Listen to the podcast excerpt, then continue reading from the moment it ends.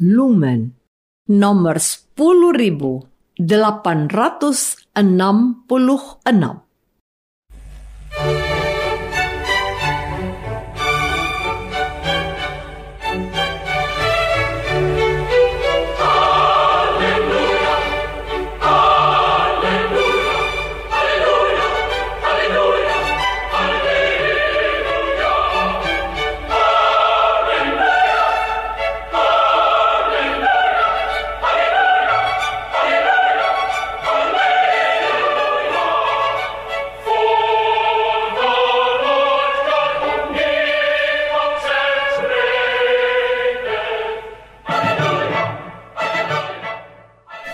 Saudara pendengar di segenap penjuru tanah air, selamat bergabung dengan Lumen Indonesia.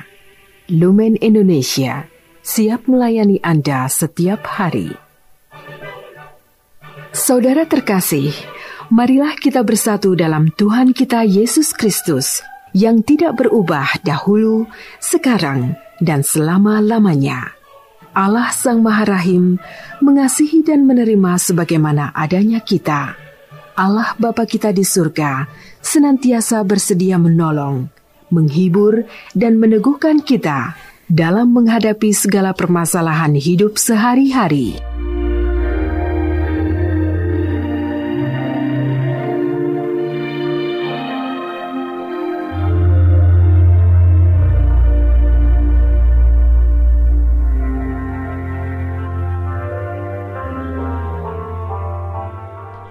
Saudara-saudari, marilah kita mendengarkan renungan dengan judul Bertengkar karena Yesus.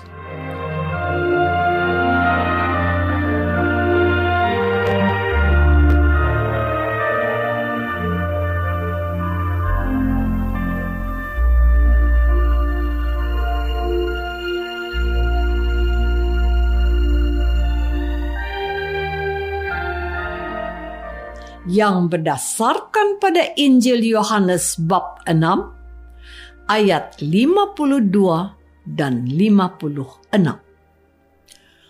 Orang-orang Yahudi bertengkar antara sesama mereka dan berkata, Bagaimana Yesus ini dapat memberikan dagingnya kepada kita untuk dimakan? Barang siapa makan dagingku dan minum darahku, ia tinggal di dalam aku dan aku di dalam dia.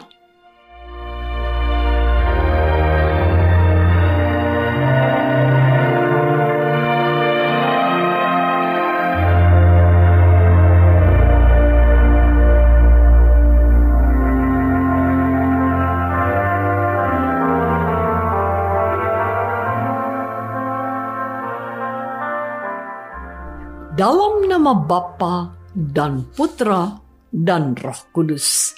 Amin. Saudara-saudari terkasih dalam nama Tuhan Yesus Kristus. Pengajar Yesus tentang roti hidup yang sesungguhnya menjelaskan tentang Ekaristi telah menimbulkan persoalan baru. Hal itu dapat kita baca dalam perikop Injil hari ini yang menceritakan bagaimana orang-orang Yahudi bertengkar antara sesama mereka dan berkata, "Bagaimana Yesus ini dapat memberikan dagingnya kepada kita untuk dimakan?" Maka kata Yesus kepada mereka, "Aku berkata kepadamu, sesungguhnya jikalau kamu tidak makan daging anak manusia dan minum darahnya, kamu tidak mempunyai hidup di dalam dirimu. Barang siapa makan dagingku dan minum darahku, ia mempunyai hidup yang kekal, dan aku akan membangkitkan dia pada akhir zaman sebab dagingku adalah benar-benar makanan dan darahku adalah benar-benar minuman. Barang siapa makan dagingku dan minum darahku, Ia tinggal di dalam aku, dan aku di dalam dia. Sama seperti Bapa yang hidup mengutus aku, dan aku hidup oleh Bapa. Demikian juga, barang siapa yang memakan aku akan hidup oleh aku. Inilah roti yang telah turun dari surga bukan roti seperti yang dimakan nenek moyangmu, dan mereka telah mati. Saudara-saudari terkasih, kehadiran Yesus tidak selalu membawa kedamaian dan sukacita. Memang, sebagian besar kisah Yesus dalam keempat Injil memperlihatkan bagaimana orang Israel pada zaman itu merindukan kehadiran tokoh agama yang tidak hanya menyampaikan pesan dari Allah, tetapi juga menghadirkan Allah dalam kehidupan yang nyata. Sebab Pesan Allah sudah sering mereka dengar lewat para pemuka agama Yahudi, seperti orang-orang Farisi dan ahli-ahli Taurat. Namun, Allah yang mereka wartakan adalah Allah yang mengikat, bukan membebaskan. Allah yang banyak menuntut, bukan menuntun dan Allah yang penuh murka jika anak-anak melanggar hukum, bukan Allah yang maha rahim dan penuh ampun. Sementara Tuhan Yesus menyampaikan pewartaan bahwa Allah itu maha rahim, maha pengampun, dan mau membebaskan umatnya yang terkukung karena dosa. Karena itulah Yesus sangat diterima dan dicintai melebihi semua pemuka agama di Israel waktu itu. Saudara-saudari terkasih, kenyataan menunjukkan bahwa kehadiran Yesus menimbulkan pro dan kontra. Di satu sisi, Yesus sangat diterima, dirindukan, dan dihargai orang-orang Israel zaman itu. Artinya, sebagian besar orang-orang merasakan damai dan sukacita Allah dalam diri Yesus. Tetapi di sisi lain, ada beberapa perkataan atau perbuatan Yesus yang justru membuat keributan atau menimbulkan perpecahan dan pertengkaran di antara para pengikut dan orang-orang yang mendengar dan melihat Yesus. Salah satu pertengkaran itu kita baca dalam Injil hari ini. Sesama orang Yahudi bertengkar karena mendengar perkataan Yesus yang berbicara tentang roti hidup kita pun dapat memahami bahwa pertengkaran itu terjadi karena ada orang-orang yang kurang memahami perkataan Yesus dengan benar. Sebagian orang Yahudi, termasuk umat Katolik, lebih sibuk dengan urusan dunia. Akibatnya, cara berpikir kita pun penuh dengan hal-hal dunia. Dan jikalau hidup kita penuh dengan hal-hal dunia, maka tidak ada tempat bagi Yesus di dalam hati dan dalam hidup kita. Jikalau terjadi demikian, perkataan Yesus bisa jadi sumber pertengkaran. Saudara-saudari terkasih, dalam kehidupan sehari-hari, kita sering mengalami ketegangan yang bisa berujung kepada pertengkaran atau permusuhan karena sabda dan ajaran Yesus. Kalau keluarga atau lingkungan hidup kita berbeda agama, kita dengan mudah menjumpai pertengkaran, bahkan permusuhan, sampai ada anggota keluarga yang dikucilkan Namun bukan berarti bahwa ajaran Yesus yang tidak baik.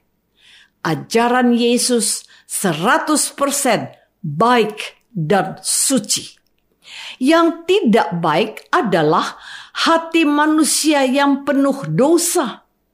Hati manusia yang penuh dosa membuat manusia mudah bertengkar satu sama lain.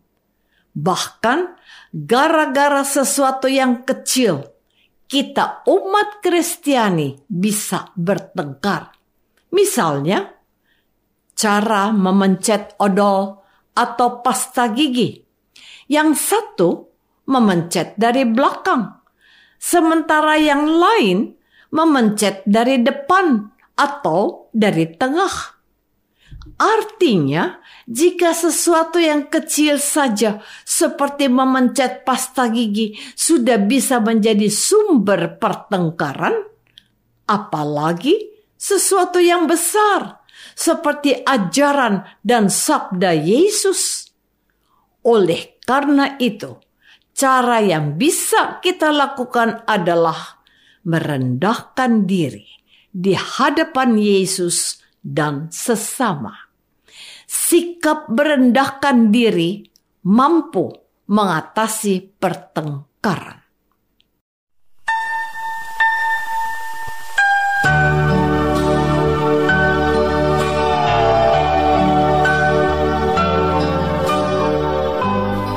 Saudara terkasih, Marilah kita masuk dalam saat hening sejenak untuk meresapkan renungan yang baru saja kita dengar bersama dalam kehidupan iman kita masing-masing.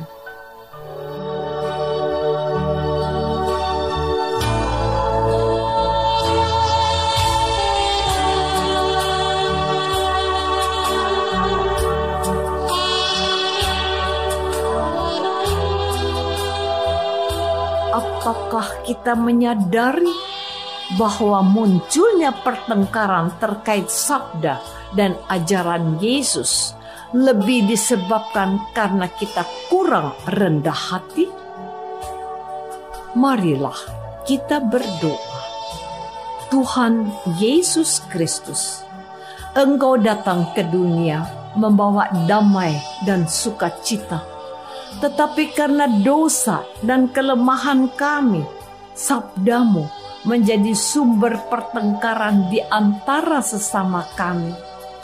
Bantulah kami dengan kuasa roh kudusmu, supaya kami menghindari pertengkaran dengan sikap rendah hati.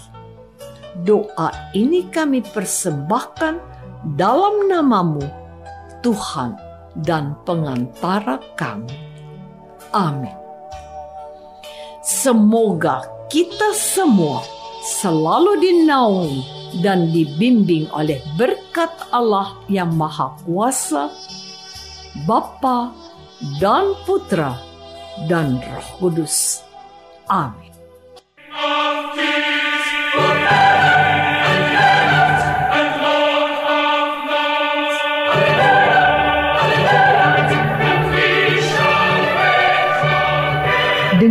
kasih dan sukacita, Lumen Indonesia mengundang saudara-saudara seiman di segenap penjuru tanah air.